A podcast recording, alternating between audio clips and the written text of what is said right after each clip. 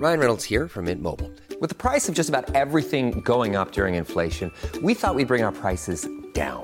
So to help us, we brought in a reverse auctioneer, which is apparently a thing. Mint Mobile unlimited premium wireless. Ready to get 30, 30, bit to get 30, bit to get 20, 20, 20, bit to get 20, 20, bit to get 15, 15, 15, 15 just 15 bucks a month. So, Give it a try at mintmobile.com slash switch. $45 upfront for three months plus taxes and fees. Promo rate for new customers for limited time. Unlimited more than 40 gigabytes per month. Slows. Full terms at mintmobile.com.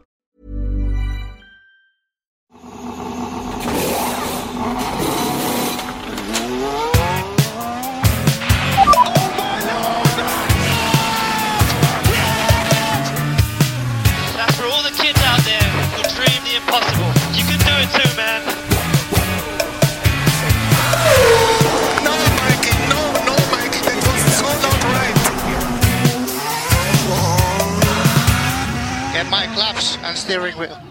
Steering wheel, claps and steering wheel here. In i Monza, skit i valet, säger Anna Andersson när jag funderar på hur vi ska säga hej och välkomna till lyssnarna till det här avsnittet. Så jag gör väl exakt som du säger, du har förmodligen helt rätt. Skit i valet, in i Monza.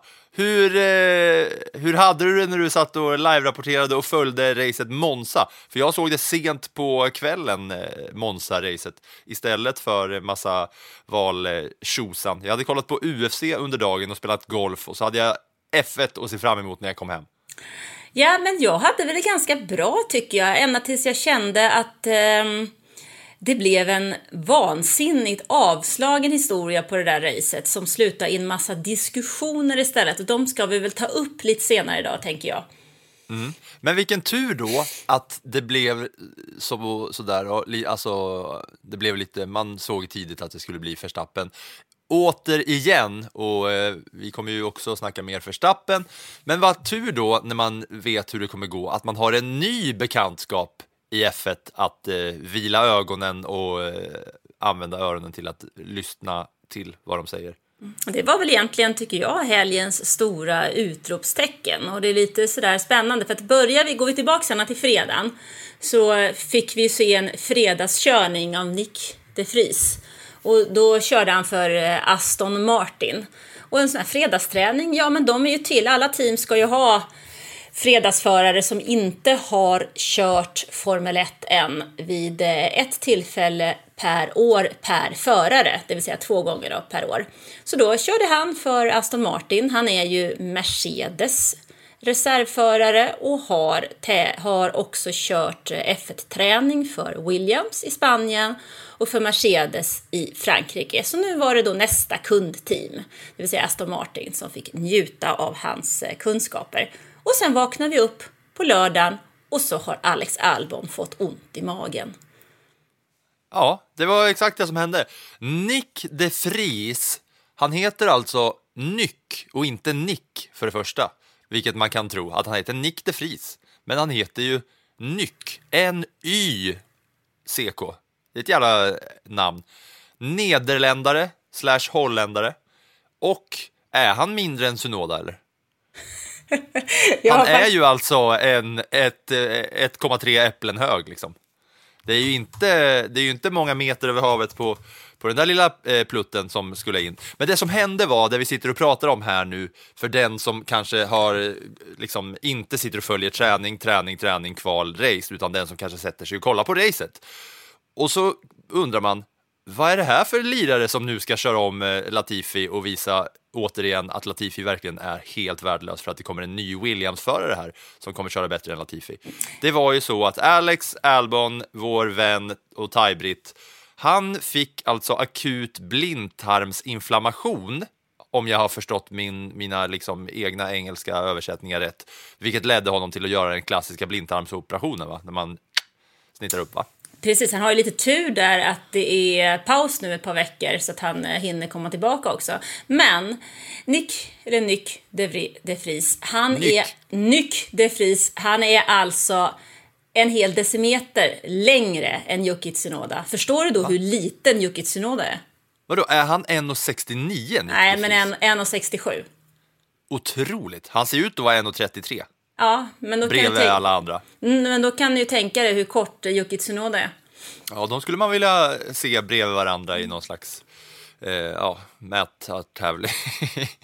Va- eh, Alex Albon får lägga sig under operationsbordet och var ganska rolig på grund av, eh, eller med tanke på omständigheterna, när han skriver på eh, Twitter Eh, bla bla bla, jag har fått blindtarmsinflammation, blindtarmsinflammation, måste lägga mig under kniven. Negatives, will, uh, will miss out on a good weekend som såg ut att bli bra för oss. Positives, weight reduction for next race, cool scars. Så han räknar med eh, att han ska bli av med, med lite vikt inför eh, nästa, nästa gång han sätter sig i bilen för att eh, man plockar ut den där blindtarmen som kan väga en 50 gram eller något sånt. Och det är ju något som F1-teamen eh, gärna ser att man, eh, att man blir av med 50 gram på en bil. Mm, då gäller det ju att han eh, verkligen ligger stilla eh, och inte äter för mycket de närmaste dagarna så han inte lägger på sig 50 gram i något annat. Ja, nej, men det gör man inte. Det är ju fasta och hela faderullan när man, när man ligger på operationsbordet eh, nedknarkad för att kunna bli skuren i. Jo, men eh, efteråt. sa han att han skulle ha coola scars. Ja, jo, nej, men då får man ju alltid, alltid när man vaknar upp efter operation i eh, på, jag har ju opererats ett antal gånger, fötter och händer och titthålsoperationer i knät och halsmandlar och grejer. Det är ju mång, alltså det, den här mackan man får när man vaknar på operationssängen efter en operation när man har fast, fastat och så vaknar man och så får man en torr gammal macka med en ostskiva på, färdighyvlad ostskiva bara, så man får en liten skinkbit. Torrt vitt bröd, den är så jäkla god när man vaknar upp efter en operation med fortfarande knarket i kroppen. När Alltså, man ligger jag- där på sjukhuset. Jag har ju faktiskt aldrig varit med om det. Ehm, Men däremot så har jag... Nej. Eh, Däremot så har jag fött två barn och då får man ju också en macka efteråt. Och den är rätt god kan jag säga. Men den också, det är också en snustorr macka med en färdighyvlad ostskiva.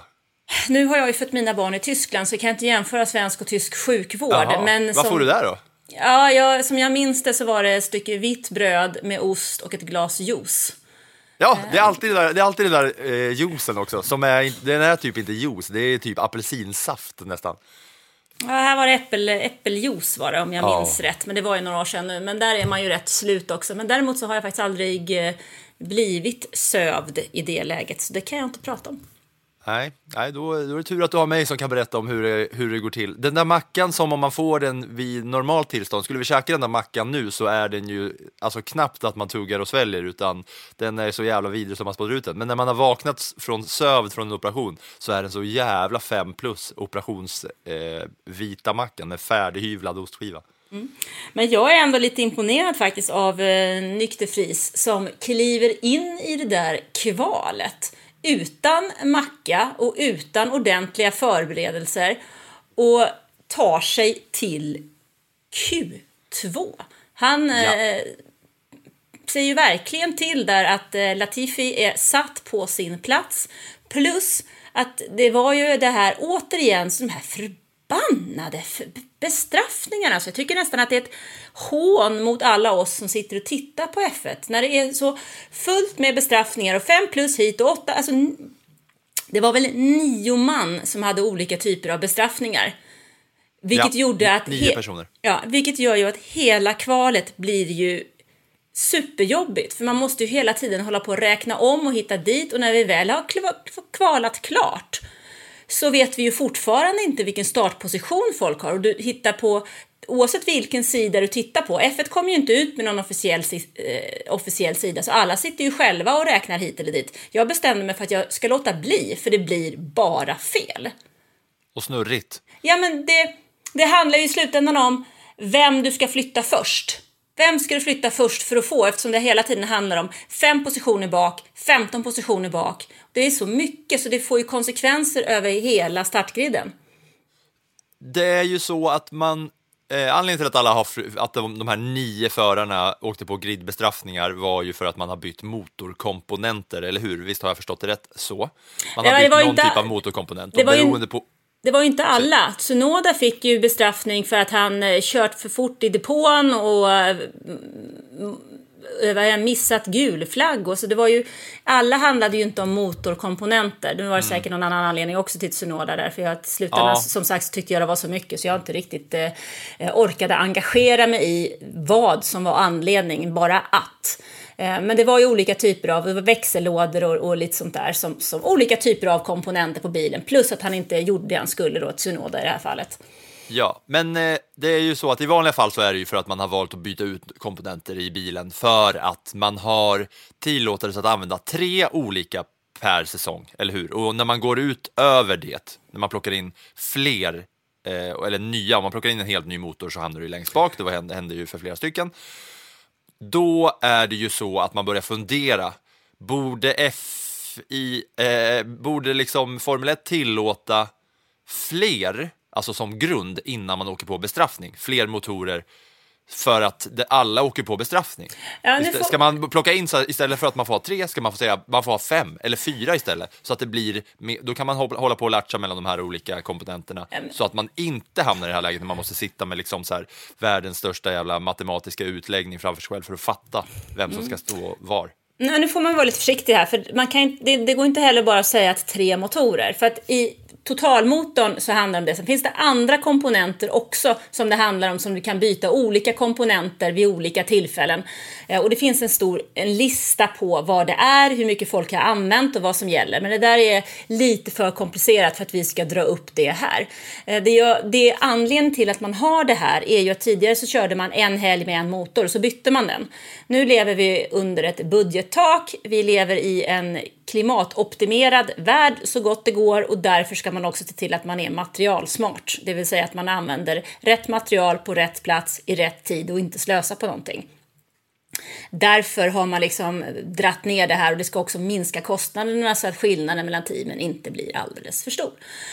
Men det leder ju till då när man har haft problem, fråga Valtteri Bottas, han har ju ständigt bestraffat den här säsongen. Jag tror att det känns som att han har fått bestraffningar med sig typ, jag ska inte säga hälften av de lopp vi har kört, men snart är han nog där. Och det gör ju att vissa drabbas ju väldigt, väldigt hårt av den här problematiken. Och vi som tittar drabbas ju också hårt för att vi helt enkelt inte förstår vad som gäller. Så någon form av lösning på problemet tycker jag nog att man behöver eh, hitta. För att det här är... Det är inte okej, för det förstör för tittaren, det förstör showen. Jag vill veta när vi går i mål i kvalet hur startuppställningen ser ut och inte använda någon slags... Eh, jag hade behövt gå på KTH för att hitta en lösning på hur start, startgriden ser ut. Ja, å andra sidan vill jag bara vara lite Devils advocate här, så blir det ju lite mer oförutsägbar racing. För att hade det inte varit på det här sättet och att alla hade startat som, Eh, så att säga, som de kvalade, då hade det ju varit eh, Leclerc, Verstappen, Sainz, Perez där längst fram. Nu fick man se dem längre bak i startfältet. Verstappen startade från sjua och även fast han gick och vann då som vanligt i eh, liksom överlägsen form så var det ändå lite så här, ja, det blir lite mer spänning nu när Perez är långt bak och Verstappen, han är på sjunde plats, Leclerc är längst fram. Det blir ju lite annan typ av racing än att man hade sett, sett Verstappen leda. Nu gjorde han ju nästan det ändå, från start till mål. Men, eh, Men det är inte- fingret i luften. Jo, men det är inte det jag vänder mig emot. Eh, alltså själva grejen att man låter kanonerna starta längst bak i vissa fall för att man har brutit mot någonting, det, det kan jag tycka är helt okej. Men själva systemet som gör att när kvalet inte är klart så har vi ingen startuppställning utan den får vi eh, ja, ett halvt dygn senare. Där tycker jag problematiken ligger. Utan det måste vara så pass tydligt så att när de går i mål så vet vi, jaha, han var snabbast i kvalet, men vad startar han? Vi ska inte behöva sitta och räkna liksom, för nu går folk vidare till Q3 och sen så måste man titta, ja men vem av de två, vänta lite här, Hamilton och Leclerc, nej, Hamilton och Sainz har gått till Q3, men de slåss egentligen om startposition 18 och 19. Alltså det blir liksom, det blir för komplicerat. Man behöver hitta en en lösning som förenklar det så att jag som tittare känner att jag förstår och jag är med. Jag vill inte bli, bli skriven på näsan och känna att det enda som jag gör nu är fel. Mm. Nej, jag, jag är helt, helt med dig och jag hänger med. Och, och anledningen till att vi behöver snacka om det här är ju för att kvalet slutar enligt följande. Leclerc, Verstappen, Sainz, Perez, Hamilton, Russell. Om vi bara tar den topp 6.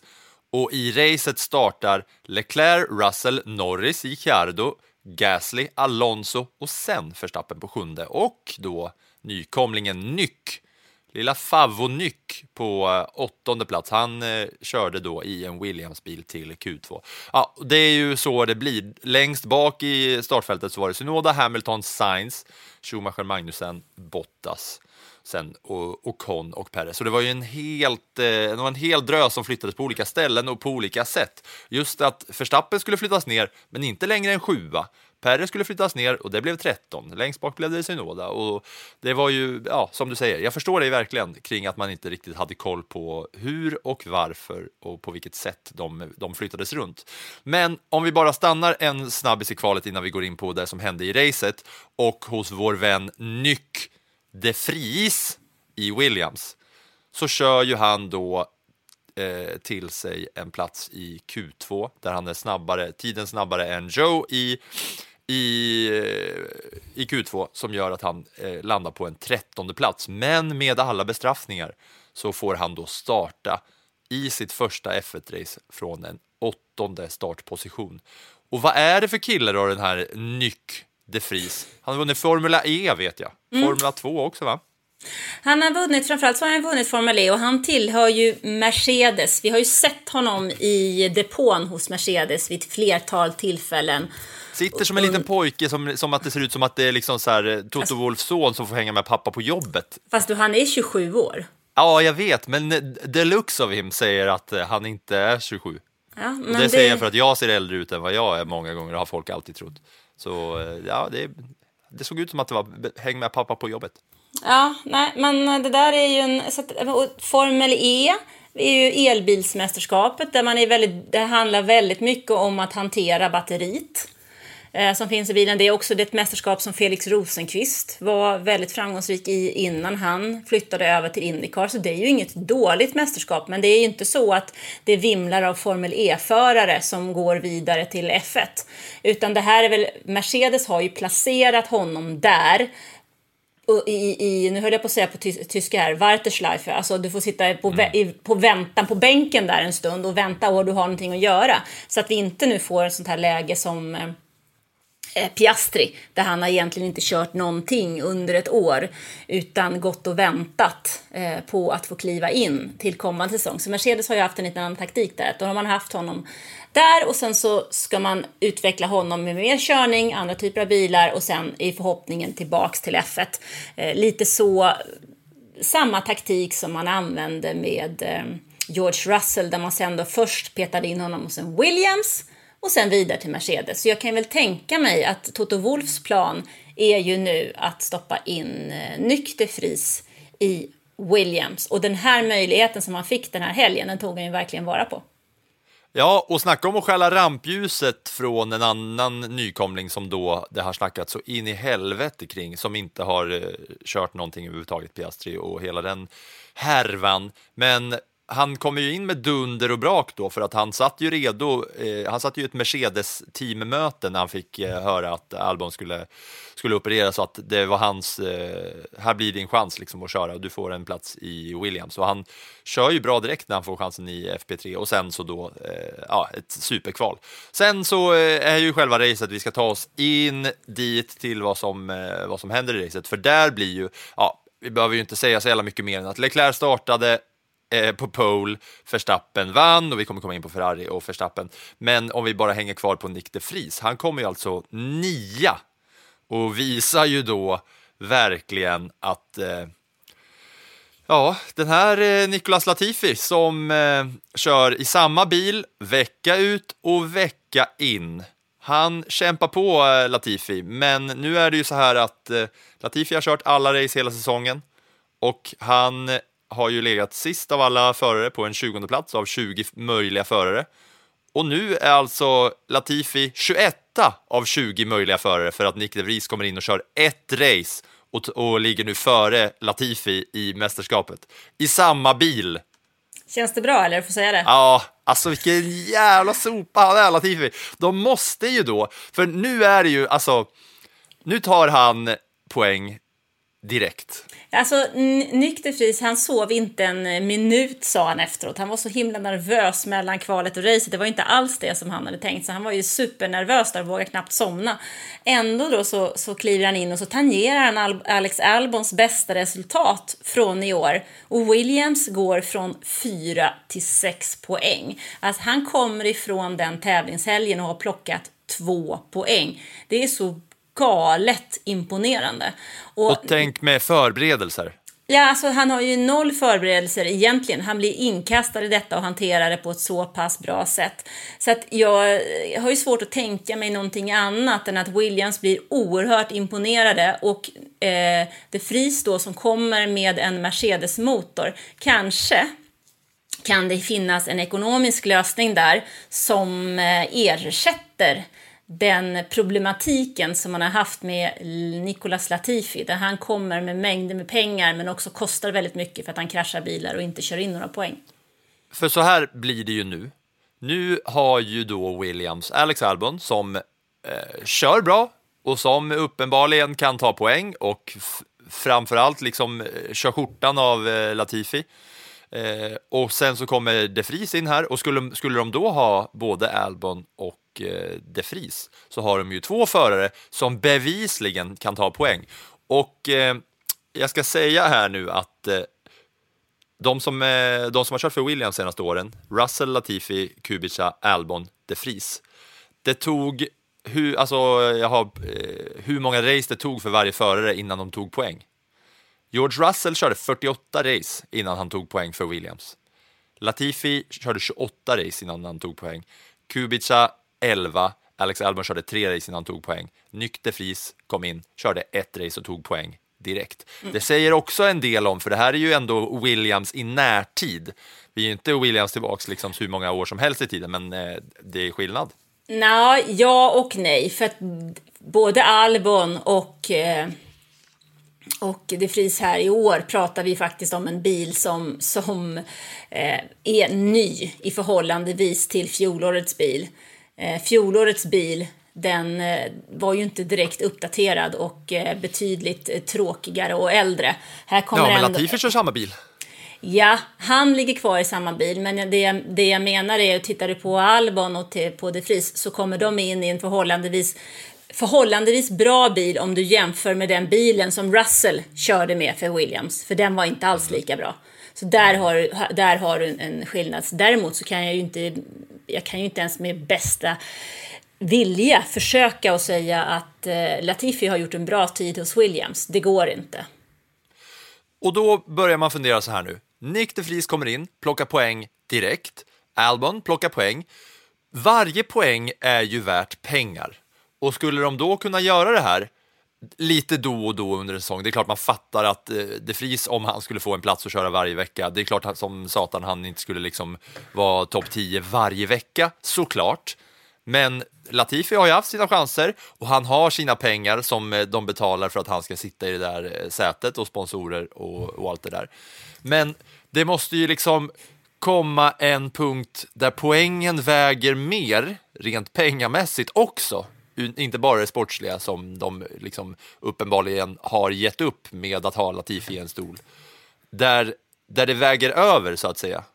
Att ha två förare som kan ta poäng. Ja, men absolut, visst är det så. Framförallt så handlar det också om att ha två förare som kan utveckla bilen. För att tittar man på Williams så är ju de, alltså de är ju stensist i konstruktörsmästerskapet och för att de ska få in mer pengar så måste de ju ta sig förbi eh, team som eh, Aston Martin, Haas, Alfa Tauri. Det är dit upp de måste, de måste höja sin nivå.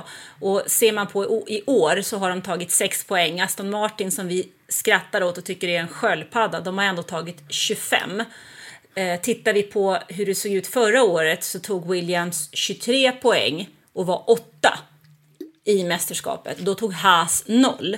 Så att de här sex poängen som de har tagit i år är ju alldeles för lite. För den gör ju ändå att de ligger tok sist i mästerskapet. Och de måste ju upp och förbi om de ska kunna försvara det som de hade i fjol. Och framförallt om man tittar tillbaks ännu längre så var ju faktiskt, har ju faktiskt Williams varit ett, ett eh, historiskt sett bra team och det är inte så länge sedan.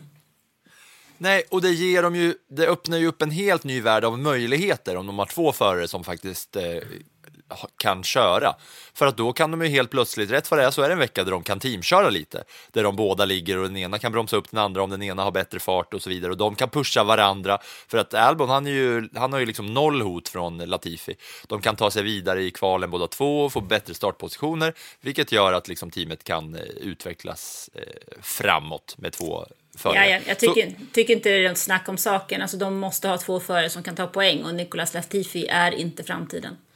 Och då undrar man, skulle det ekonomiskt löna sig att kicka Latifi redan nu, betala en hejdundrande massa ersättningar för att bli av med sopan, eh, för att få in det fri så redan nu då? För att för hans skull, alltså han lär ju inte få, alltså som du säger, han är 27, 26, 27, eh, De Vries. Han är ju inte liksom eh, 22 och eh, har eh, oändligt många möjligheter. Han är ju i ropet och strålkastarljuset nu efter den här succéhelgen.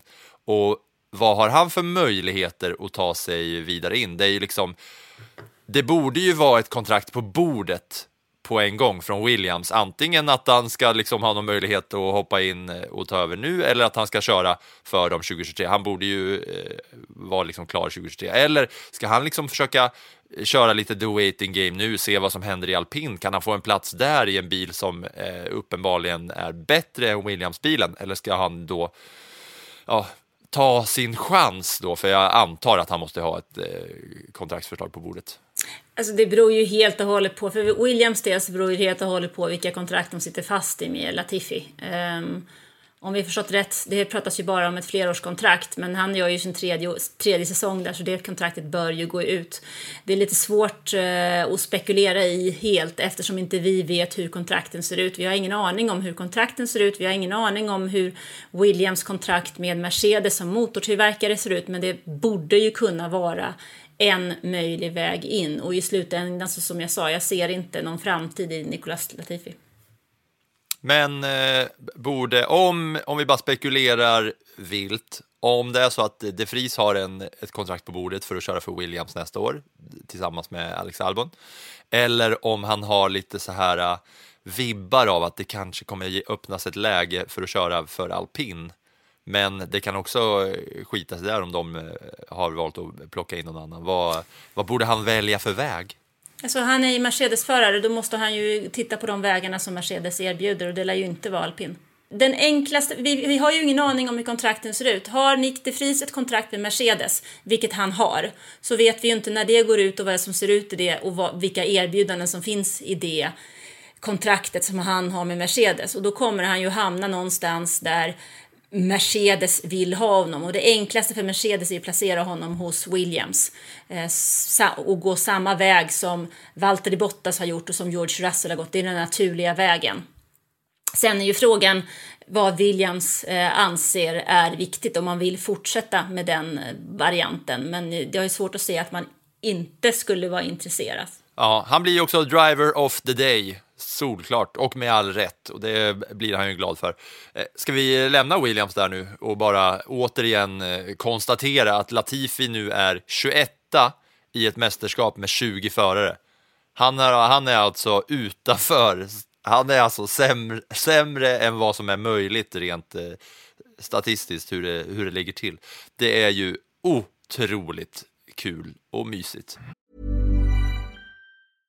Hey, I'm Ryan Reynolds. At Mint Mobile, we like to do the opposite of what Big Wireless does. They charge you a lot, we charge you a little. So naturally, when they announced they'd be raising their prices due to inflation, we decided to deflate our prices due to not hating you. That's right. We're cutting the price of Mint Unlimited from $30 a month to just $15 a month. Give it a try at mintmobile.com slash switch. $45 upfront for three months plus taxes and fees. Promo rate for new customers for limited time. Unlimited more than 40 gigabytes per month. Slows. Full terms at mintmobile.com.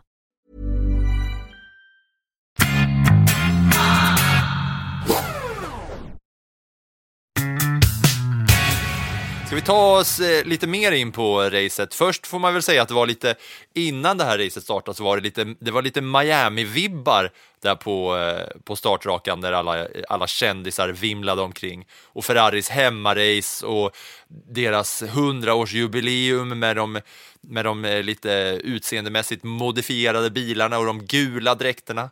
Ferrari som liksom hade bra förutsättningar efter att Leclerc hade fått pole, så de fick ju fira lite där i alla fall. De vill ha lugn och ro i sin uppladdning. Istället så kommer italienska presidenten in i, i och ska hälsa på alla precis innan eh, start. Så det var ju, ja, och känd, det kändistäta var ju Zlatan var på plats och intervjuades, var snustorr, sa att han gillade Ferrari. Hugh Grant var där, gamla legendariska Notting Hill och så vidare. Sen såg man Fabio Capello gamla i, italienska fotbollstränaren som stod där och såg lite förvirrad ut som en gammal gubbe. Men det, där, Eh, det, och, och Andrea Bocelli sjunger nationalsången. men det där är ju, för Ferrari så är ju det där årets händelse. Jag har var, haft glädjen att vara på Monza vid ett par tillfällen eh, och jobba. Eh, vid ett av de tillfällena så körde Rubens Barrichello och eh, Michael Schumacher för Ferrari.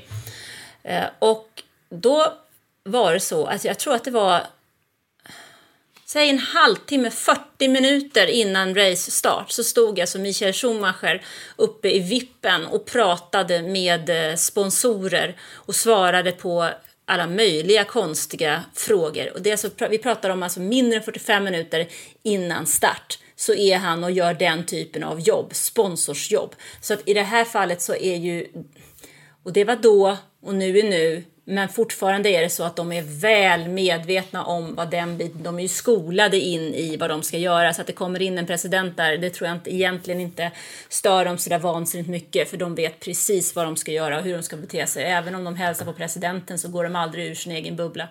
Och själva racet då?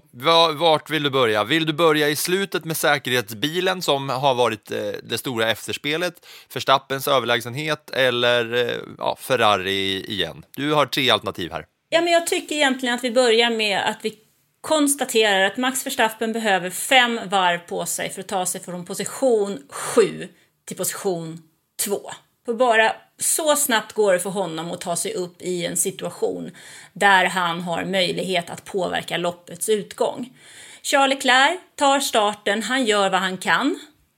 Och sen kommer vi till ett läge på varv 13 där vi har en eh, virtuell säkerhetsbil. Då ställer eh, Ferrari frågan om han vill komma in i depå.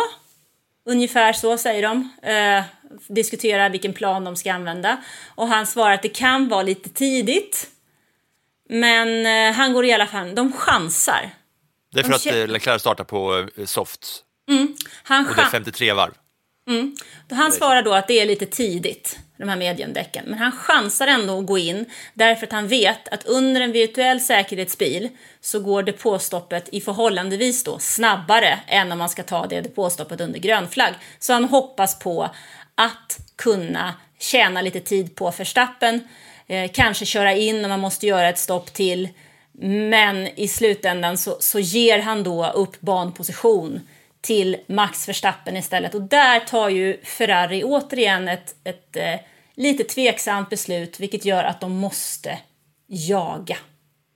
Och det är i det läget som jag själv då kan tycka när jag sitter och tittar på det här att, att, att loppet egentligen faktiskt eh, avgörs via, återigen, ett något tveksamt beslut när man lägger på mediumdäcken efter 13 varv. Viss, visserligen det är lågt släkt, släkt, äh, däckslitage. Vad svårt ord det där. Däckslitage. Släkt, släktditage. Det är ett lågt däckslitage på Monza. Men ändå 13 varv in på medium. Det, det känns ehm, desperat. Ja, men samtidigt, det var, alltså, de är så överlägsna Red Bull så det kändes som att de, det spelar ingen roll vad de hade gjort där. Vad skulle de gjort då? Skulle han ligga kvar då på, på, mjuk, på mjuka däcken lite längre, gått på hårda eh, eller gått på medium lite senare? Det kändes ju som att eh, Verstappen med den farten, vi, alltså du nämnde det, han startar sjua. Han har tagit fyra platser på varv ett och efter fem varv så är han tvåa. Det, det, det, går ju, det går ju knappt att stoppa. Man tänkte så här, ah, han startar sjua, han kanske fastnar lite i trafik på vägen och Leclerc hinner dra ifrån det framme. Men det går ju inte. Alltså, vi är- De, de har ju inte en tillräckligt snabb bil Ferrari för att, eh, för att ha några ens val att strategiskt kunna slå Red Bull. Alltså det, det märkliga kan ju jag tycka i det här läget är att eh, Red Bull har en förare som är toköverlägsen allt och alla. Och sen har de en förare till som kör i samma bil som inte alls är i närheten av att kunna prestera på den nivån som hans kollega gör. Det kan jag väl tycka är mer anmärkningsvärt egentligen. Ja. Ja, du ställer frågan vad skulle Ferrari ha gjort? Nej, ehm, nu, tog, nu valde man ju att ta en chansning. Eh, man kanske det, man, man valde att ge upp banposition. Man kanske skulle ha väntat och sett hur korten skulle... Kanske var lite tidigt att visa sin hand, kan jag tycka. Att man skulle ha liksom vågat hålla i det lite längre och vågat tro. Ja, för det man får höra på radion sen är ju att eh, Horner och Red Bull, de är ju tidiga till Verstappen där att eh, gå ut med, ja, Leclerc byter, byter nu däck, han kommer ha det tufft på slutet om man, om man ska köra på de här mediumdäcken, så keep the pace up max, vilket han inte har så mycket problem med att göra max. Men eh, Perez, som du säger, startar på trettonde och han eh, tvingas ju in och eh, byta däck ganska tidigt där efter någon upplåsning som han har när han, när han, eh, ja, när han bromsar på sig så att han får en flat spot på, på däcken. Så han måste byta direkt och då kändes det nästan som att han skulle åka ut i det där racet när bromsarna brann vänster fram. Ja, han fick ju... Han fick ju, han hade ju någon, det, det det. rök ju i alla fall och han hade, ju- fick ju någon hjälp där med att ändra inställningen på bromsbalansen för att få ordning på det där. Eh, och sen så körde ju han sitt race där, kändes det som egentligen ganska... Eh, eh, tittar man på racet i, i stort så tycker jag att egentligen att det här racet sen, i och med att Leclerc visade korten, gick in väldigt tidigt, så, så tappade han möjligheten att själv bestämma vad som skulle hända. Och när han då sen tvingas in en andra gång för att byta däck så har han en lång, han har nästan 20 sekunder som han måste ta in på förstappen som då har avgörandet i sina egna händer. Och där tyckte jag det var ganska långt mellan många bilar, det var utdraget, det kändes som ett, alltså det var ganska lugnt att sitta där och lajva för det, det var inte så mycket nerv i det som jag hade trott och förväntat mig. Man har ju enormt stora förväntningar inför just Monza. Så att det var ju egentligen ett ganska Ja, Perez höll på där på sin, sin Hamilton körde upp sig efter en halv eh, kaststart. Sainz körde också upp sig, men det kändes ändå liksom, det puttrade på där. Fram till dess att Daniel Ricciardo parkerade sin bil på ett ganska olämpligt ställe. Ja, vi ska ta den där säkerhetsbilen nu. Jag vill bara, när vi pratar om hur folk körde i starten så, så satte jag och jag skrev upp lite hur det gick där i början, hur många, hur många omkörningar folk gjorde. Verstappen tog ju alltså fyra platser på ett varv. Det gjorde även Kevin Magnussen. Jag tycker alltid att Kevin Magnussen gör många omkörningar i början men ändå slutar på dåliga positioner. Sainz, han körde upp sju platser på sex varv. Och sen har vi vår eh, vän, eh, the GOAT Latifi. Han tappar sex platser på, på sex varv samtidigt som De Vries håller sin position på lika många. Och sen dröjer det bara till eh, varv 16 innan eh, Latifi har tappat från tionde startplats till att vara sist. Och återigen så är det ju eh, facit va, på hur jävla rutten han är. Du Det var, bara, det var bara mina chans. små anteckningar. Du tar bara verkligen varje chans som du Ja, kan men jag får ju en till. miljon chanser varje vecka, så det är ju, det är ju inte så jävla svårt. Jag, välj, jag väljer ju, det är inte så att jag tar varje chans, utan det finns så jävla många chanser att välja på för Mm. att prata om hur rutten eh, han är. Va? Men nu kommer vi till det. Säkerhetsbilen som kommer ut och kör bilarna i mål, som transporterar och bärgar hela fältet i mål. Och det här har ju varit den stora snackisen. När Ricciardo får parkera och då det är lite oklart om de ska kunna rulla bort den här bilen för att eh, när det blir virtuell säkerhetsbil är det ju för att de eh, de kan sänka farten på bilarna och eh, snabbt och enkelt rulla undan hindren som blir på, på vägen, det vill säga då Ricciardos bil här. Men anledningen till att säkerhetsbilen kommer ut är för att de måste ta in maskiner för att flytta på den här bilen. För att på något vänster så lyckades de inte få i friläge på, på Ricciardos bil så de kunde rulla ut den bara för mankraft. Utan de var tvungna att köra in en lyftkran och lyfta ut den där. Och jag såg bilder sen på hur, hur de efter racet var klart bara lät Ricciardos bil hänga i luften i den där lyftkranen även efter racet var slut så folk på läktaren kunde, kunde glo på den här bilen som bara hängde. De, det kändes som att de hade glömt bort, just det, vi måste fixa, vi måste eh, lämna tillbaka Ricciardos bil till, eh, till McLaren. Den hängde där bland granarna på, eh, på Monza. Men det som händer då att säkerhetsbilen kommer in och transporterade alla bilar in i mål. Så bilarna går i mål bakom säkerhetsbil. Och varför, Anna, har det blivit ett jävla jidder kring det här? Då? Ja, därför att situationen påminner väldigt mycket om hur det såg ut i Abu Dhabi. Vi, går tillba- alltså, vi kommer tillbaka till den där Abu Dhabi känner jag i varenda avsnitt. Men det tror jag man kommer göra hundra år fram i tiden för att det, kom, det är liksom ett av de eh, det är ett av de mest klassiska händelserna i F1-historien och kommer vara. Ja, så kanske det. Men om man börjar titta, varför... Först har jag fått frågan, varför var det ingen rödflagg? Jo, för enligt FIA då så var det inte situationen tillräckligt, signi tillräckligt signifikant. Alltså det var inte tillräckligt liksom farligt, utan... Det eh, låg också sä- inte skit överallt heller som man skulle kunna tänka sig om det är en krasch, att det fly, flyger delar, utan bilen står ju bara lugnt och eh, prydligt. Lugnt Nej. och prydligt på sidan. Eh, och då är deras första prioritet att få bort den här. Och man kan inte låta liksom tajmingen av säkerhetsbilen påverka loppet, utan att, så att man liksom har säkerhetsbil under vissa tillfällen av loppet men inte i slutet. Utan då var det säkerhetsbil som gällde. Och skillnaden mellan här och i Abu Dhabi, det var, här tog det ganska lång tid att få undan den där bilen. Och varven tickade ner. Och när det, är en ganska, det är ett förhållandevis långt varv på Monza. Vilket gör man får ju inte köra förbi säkerhetsbilen hur som helst. Utan plötsligt till slut så får ju då beskedet att nu får ju de bilarna som ska hamna, som liksom är ett varv efter, nu ska de ovarva sig och köra in på ledarvarvet. Och det tar ju en stund för de bilarna att, att köra runt. Och i Abu Dhabi så, så tog ju Michael Masi beslutet att bilarna... Vår vän, no Michael, no no, it was so not right. Den Mm. Michael Masi. Precis. Och det var ju för han tillät ju då bilarna mellan Hamilton och Verstappen och ovarva sig för att man skulle få ett race. Hamilton mot Verstappen. Och det man diskuterade efter det var ju att de andra bilarna fick ju inte ovarva sig utan de låg ju kvar lite på lite olika varv. Och i det här fallet nu så ville man ju inte göra samma misstag igen utan nu skulle då alla bilarna ovarva sig och det tar ju en himla tid alltså att få runt dem och få dem på rätt plats och därför tog det tid och man hann inte få igång racet. Så för att förtydliga, vad skulle de ha gjort i Abu Dhabi för att göra rätt enligt regelboken? Då skulle man ju ha ovarvat alla bilarna så att man hade haft en målgång bakom en säkerhetsbil. Men det ville man ju inte ha. För att det blir ju en ganska tråkig avslutning på ett lopp och det var en final. Och en hel vi- säsong. Ja. Ja, det var ju en final. Och då ville man ju liksom ha den här kampen man mot man.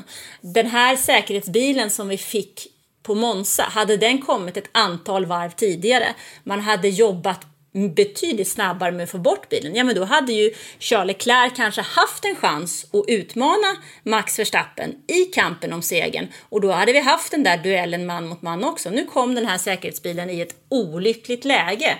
Alltså, McLaren, helt enkelt, Ricciardos bil, eller Mercedes kanske det är för det var deras motor, såg ju till att bilen gick sönder i helt fel läge och förstörde all form av spänning för oss som tittade på. Men man gjorde ingenting fel. Nej, man gjorde ingenting fel enligt regelboken. Och Toto Wolff, som var helt vansinnig efter Abu Dhabi, han var den första med att tala om att det här var helt rätt gjort, korrekt, korrekt, medans till exempel Red Bull och Helmut Markus, som är deras eh, mycket frispårs, frispråkig motorsportkonsult. Han sa ju det att han hade ju hellre sett att man har struntat i att vinka förbi alla de där ovarvade bilarna och fått en bra avslutning på, på loppet för att det skulle bli en bättre fight. Günther Steiner var inne på samma sak med Haas. Han ville också ha en, en race in i mål och Ferrari naturligtvis hade de också. De var väldigt hårda mot eh, tävlingsledningen i sin kritik efteråt. Så, så för att vara super supertydliga här. I Abu Dhabi så skulle, enligt regelboken, så skulle, eh, skulle det tag, tagit för lång tid. Men det de gjorde var att de lät bara bilarna mellan Hamilton och Verstappen varva om sig, vilket gjorde att säkerhetsbilen hann in så att de fick det här ett sista varv att racea. Men egentligen då, om man följer, eh, följer reglerna, vilket man, ja, då, eh, det är tänkt att göra när man håller på med en sport, men det- så, det- sku, så, skulle det, så skulle de inte hinna och då skulle bilarna gått i mål som de stod bakom en säkerhetsbil. Och då undrar jag, Fia, har de erkänt sen dess att de gjorde fel i Abu Dhabi? Ja, men alltså man kan inte säga heller att de gjorde fel för att de använder sig av olika typer av regeltolkningar som de tolkar ihop. Lite, lite som vi ibland har en tendens att göra när vi sätter rubriker. Ehm, och så som man kan göra med statistik. Så att man kan inte säga att de gjorde helt fel. Sen så kan man ju eh, konstatera att det kanske inte var en lämpligt slut på det hela och i och med att Michael Masi inte har blev av med den rollen som han hade som tävlingsledare, fick någon form av annan skåptjänst hos FIA innan han sen flyttade tillbaks till Australien där han nu jobbar med V8 Supercars, så har man väl eh, ändå på något sätt eh, sagt att eh, det vart inte helt lyckat det där. Så egentligen, i det tysta har de ju erkänt att de har gjort fel utan att säga det. Genom att kicka han som tog beslutet att göra på det där sättet. Man hade väl inte så många alternativ kanske. Nej. Mer eh, ja, men, eh, säkerhetsbilssnacket, är det något du vill tillägga där kring? Ska man ändra på reglerna på något sätt eller är det bara att vi ska konstatera så här är det ibland? Alltså det som man kan tycka är väl att det hade ju behövt... Alltså, det hade inte behövt ta så himla lång tid. Det är väl där som problemet ligger. Varför tog det så lång tid eh, att få ut de här, alltså göra de här omvarvningarna och få bort bilen? Det är väl där problematiken ligger. Det tog för lång tid och det vart inte lyckat. Men ibland så är det så att oavsett vad man gör så har man byxan bak, liksom. har man rumpan bak. Det blir liksom fel. Några snabba andra punkter som kan vara värda att ta upp från helgen är att det blev en dubbel did not finish för Aston Martin. Ingen av bilarna i mål där. Fettel ut först och Stroll ut sen. Något du vill säga om det eller ska jag gå vidare? Alltså Fettel sa efteråt att det kan ju inte gå sämre än så här och han har väl rätt. Ja, det här med säkerhetsbilen är ju också när Ricardo fastnade där och att de gick i mål bakom säkerhetsbil. Det är första gången det händer sedan Bahrain 2020 det är lite, ja, det är lite att eh, peta i. Sen har vi Alonso som inte heller fick gå i mål. Alonso som tangerade Kimi Räikkönen i flest racestarter genom tiderna, men han fick ju inte gå i mål, så det jubileumet, eh, det blev ju lite, ja, det blev ju lite sådär för honom. Mm. Han har alltså kört eh, han har raceat nu, alltså de, han debuterade 2001 i Australien det är ju eh, ett tag sedan alltså som eh, Alonso startade. Mm. Det, det vi eh, också kan ta med oss är väl kanske Lewis Hamiltons fräcka dubbelomkörning på varv 37. Den kan jag tänka mig att du gillar. Mm. Ja, den tyckte jag var riktigt snygg när han, när han körde om både Norris och, och Gasly. Eh, då såg man att det fanns lite race kvar i gubben när de fightade, så han låg där bakom och, och eh, väntade på sin tur. Sen såg han att då, båda de tappade fart för att de eh, försvarade och attackerade på varandra och då klämde han sig förbi eh, Sir Lewis. Eh, ja, han slutar i femma, Lewis Hamilton. Russell återigen på podiet. Hela racet är ju så att Verstappen vinner, Leclerc tvåa, Russell trea. Sainz kör upp sig rejält och hade en bra bil. Hamilton femma, Perez sexa och sen Norris, Gasly, Vries Show är de som hamnar på poängen. En liten sak Filip som vi faktiskt inte får glömma att ta upp det är ju faktiskt det att dealen mellan Porsche och Red Bull har tokspruckit. Det var alltså så att det fanns ett kontrakt färdigt i somras. Det finns inte längre. Utan eh, Porsche eh, eh kommer icke att hitta ett samarbete med Red Bull. Vad gör Red Bull då istället? Vilka vänder de sig till? Berätta. Honda såklart. Den eh, dealen har ju gått, pågått i några år, den fortsätter ju i år, även om det heter Red Bull Powertrains så är det ju Honda som ligger bakom de där motorerna. Och det, ett sånt förlängt samarbete, skulle mycket väl kunna rädda Yuki Tsunodas framtid i Formel 1. För för Honda är det viktigt med ett race i Japan och med en japansk förare. Men vad Porsche ska ta vägen, det vet vi inte. Kan det vara så att eh, McLaren exempelvis Eh, är intresserad av någonting sånt? Aston Martin behöver ju också hitta en lösning på alla sina problem. Eh, blir det någonting där? Det verkar ju som att Audi kommer att kliva in tillsammans med Alfa Romeo Sauber och Alfa Romeo släpper. Så att det finns ju en hel del eh, lösningar. Eller kan det vara så då att det är Audi som gör motorn men den går under Porsches namn kanske? Ja, det känns ju som att eh, fram till 2026 så kommer ju inte det här vara sista ordet som har sagts här, utan det här kommer ju bli en eh, riktig saga som vi kommer få följa kommande år och kommande poddavsnitt genom åren. Definitivt. Mm, Ska du plussa på det här kanske, eller ska jag säga hur det ligger till i, i totalen först? Då säger jag hur det ligger till i, i totalen, för där eh, köttar ju Max Verstappen in sitt elfte, sin elfte raceseger. Och Leclerc, ja, han tar ju ändå lite poäng, men eh, försprånget ökar. Perez trea, Russell fyra i totalen, Sainz femma, Hamilton bakom. Det är toppen och i konstruktörerna så kan man ju konstatera att eh, McLaren tog väl in lite på alpin va, efter att Alonso fick bryta Eh, skulle jag tro med att eh, Norris tog ju poäng och eh, Ocon tog ju inte heller några poäng likt eh, Alonso. Sen gick det åt helvete för Ricciardo, så några små pinnar tog de in. Nu, Anna, sätt plus på racehelgen.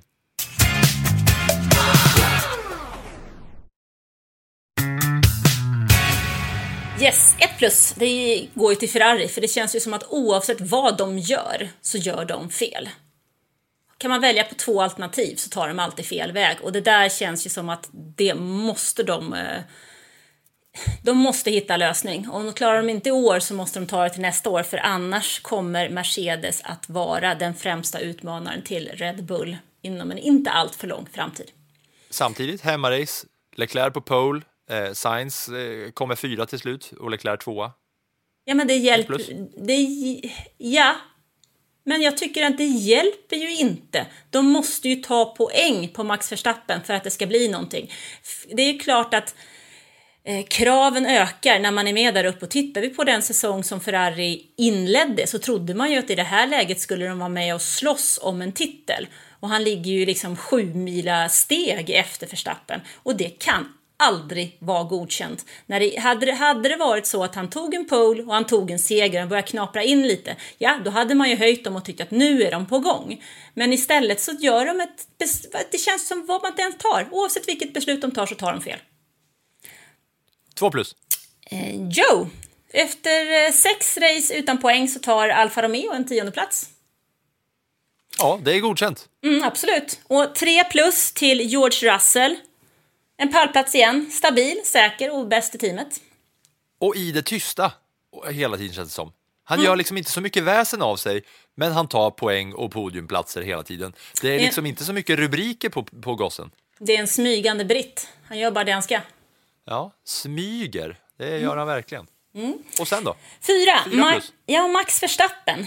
För där Ferrari gör, oavsett vad de gör, så gör de allting fel. Så gör ju Verstappen, oavsett vad han gör, så gör han ju allting rätt.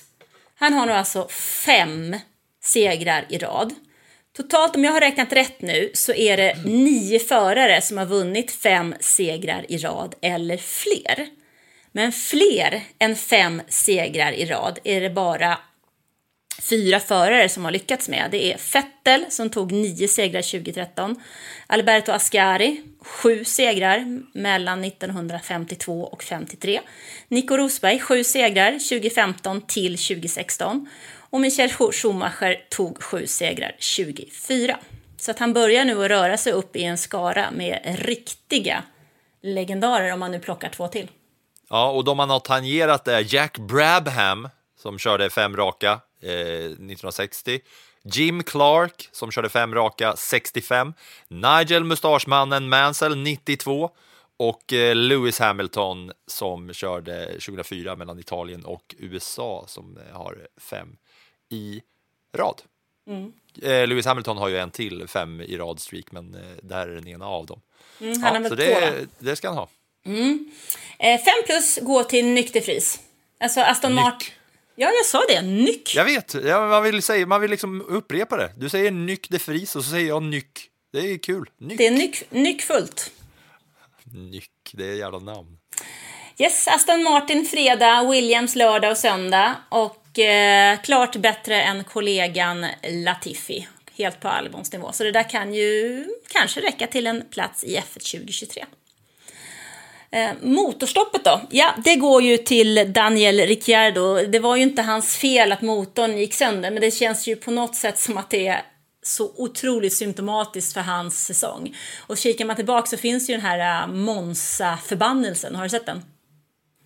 Jag tänkte precis att näst, efter motorstoppet så ska jag eh, plocka upp Monza-förbannelsen, så eh, låt mig göra det om några sekunder. Avsluta Ricciardo först. Nej, jag tänkte vi slutar där med hans. Han kan inte göra så mycket mer än fel. Nej, för att han var ju dömd att misslyckas och det berättar jag efter bumpern till småstatsen som kommer nu.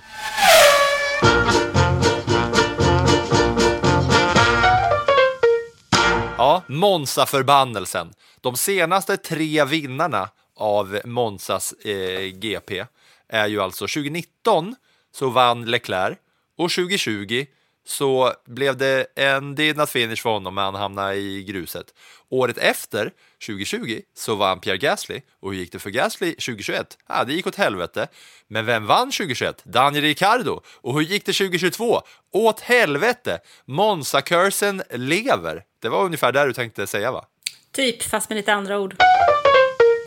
Och sen så eh, är det nu statistiskt klart att Lewis Hamilton inte har någon möjlighet matematiskt att vinna mästerskapet. Det kommer bli några till sådana eh, vecka efter vecka nu här, men från och med nu så är det alltså helt uteslutet att Lewis Hamilton kommer inte kunna bli er F1 2022 champion. Och sen är det första gången någonsin som två nederländare kör samma race och tar poäng med Verstappen och Nyck de Vries. Båda tar poäng. Det har aldrig någonsin hänt. Ja, det är lite imponerande. Får se eh, om det kommer bli många gånger så att de krossar det rekordet eh, kommande säsong. Eller kanske redan snart. Nu vill jag höra hur det avslutades i Indycar för våra svenska vänner.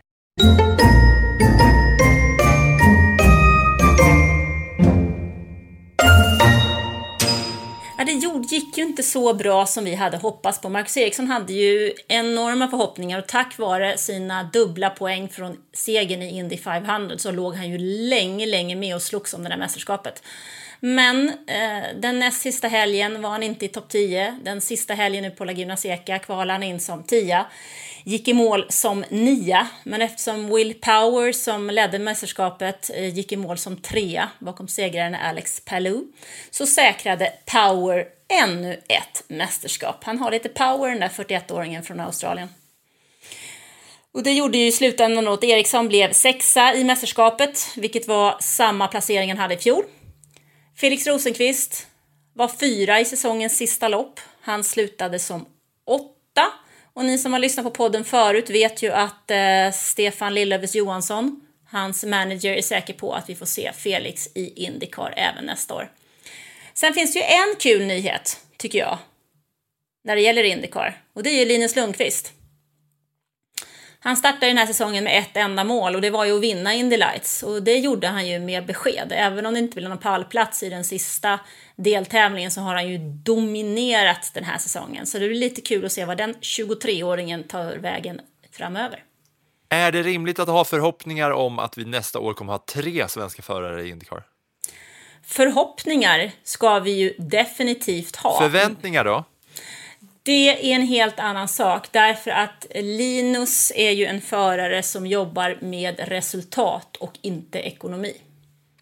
Så att eh, han får ju en viss summa här för att eh, ett, någon form av stipendium och det, mm, det som jag har förstått från hans läger är att det är lite osäkert eh, vad det ska, kan, får användas till om det är Indycar och vad det räcker till och vad man i så fall måste putta till mer och om det räcker till ett par race i Indycar eller om det räcker till eh, mer eller om det är så att det kanske blir japansk racing nästa år. Det vet vi inte än så länge, men jag kommer att prata med Linus i veckan så jag kanske får ett svar. Spännande, och då kan ju vi eh, fundera på, kanske blir det japansk racing, kanske blir det F3, kanske blir det något annat som är under, eh, under paraplyt som börjar på F. Alltså han, han har ju en superlicens efter den här segern. Det har ju inte Colton Hursta än. Mycket spännande. Jag vill bara innan vi lämnar Rosenqvist och, och Marcus Eriksson, det är ju ändå en historisk säsong som man lämnar bakom sig efter att eh, Marcus Eriksson vann eh, Indy 500 ju. Det måste ju ändå vara en av hans absoluta höjdpunkter i karriären, trots att han har kört i Formel 1 och allt sånt där. Absolut, det är det absolut största racet som du kan vinna. Alltså den prestationen som Marcus gjorde i Indianapolis är helt fantastisk. Den är makalöst bra. Sen förstår jag att han är besviken av den, över den avslutningen av säsongen. För han hade nog väldigt, väldigt, väldigt, väldigt, väldigt gärna velat kröna den här säsongen med en titel också. Men Marcus Erikssons säsong har ju varit riktigt bra. Och framförallt så var den ju makalöst bra fram till någonstans här på slutet så har de inte riktigt fått ihop det. Men eh, det är väl bara att bryta ihop och komma igen, det är han bra på. Mm. Ja, det blir spännande att se vad som händer där följande säsong. Eh, om det blir tre svenskar eller om det blir samma två svenskar eller om det blir så att någon tar vägen någon annanstans. Men det kommer vi hålla koll på i Svenskkollen.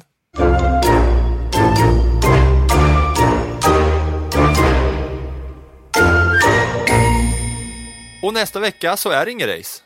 Varför då?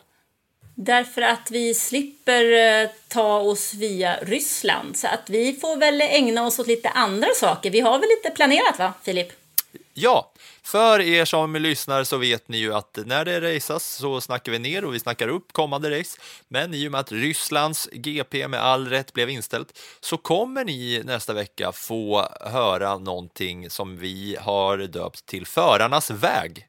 Och mer än så behöver vi väl kanske inte säga, utan ni som har lyssnat den här veckan, ni lyssnar nästa vecka också, för att då har vi eh, ett och annat att gå igenom. Eh, vi kommer, ehm, ja, vi kommer väl introducera det lite mer nästa vecka, men det är något, eh, ett litet ehm, ett litet koncept som kommer dyka upp när det är racefritt som eh, vi verkligen hoppas kommer falla i smaken. Jag själv kan säga att eh, jag har tyckt att det har varit extremt intressant att, eh, att spana in förarnas väg, som vi kommer kalla det. Så nästa vecka, då blir det förarnas väg i plattan i mattan.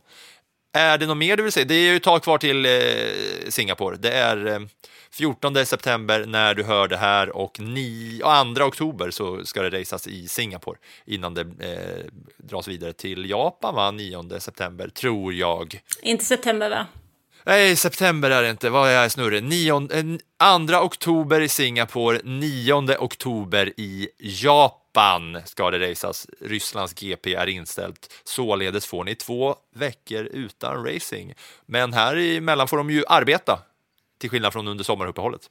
Precis, det blir spännande att se vad som händer under de här eh, kommande två veckorna. Och F1 står ju aldrig stilla. Så att eh, nyheterna får ni väl få i F1-bloggen, om inte annat. Yes! Håll utkik på Annas eh, supermotorblogg och på sportbladet.se så hörs vi där och nästa vecka så hörs vi även här i podden. Det ska bli kul. Tack för idag! Tack för idag!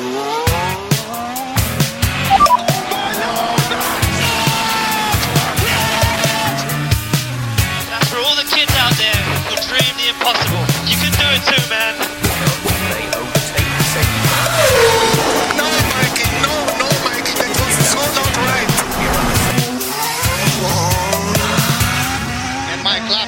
their equipment.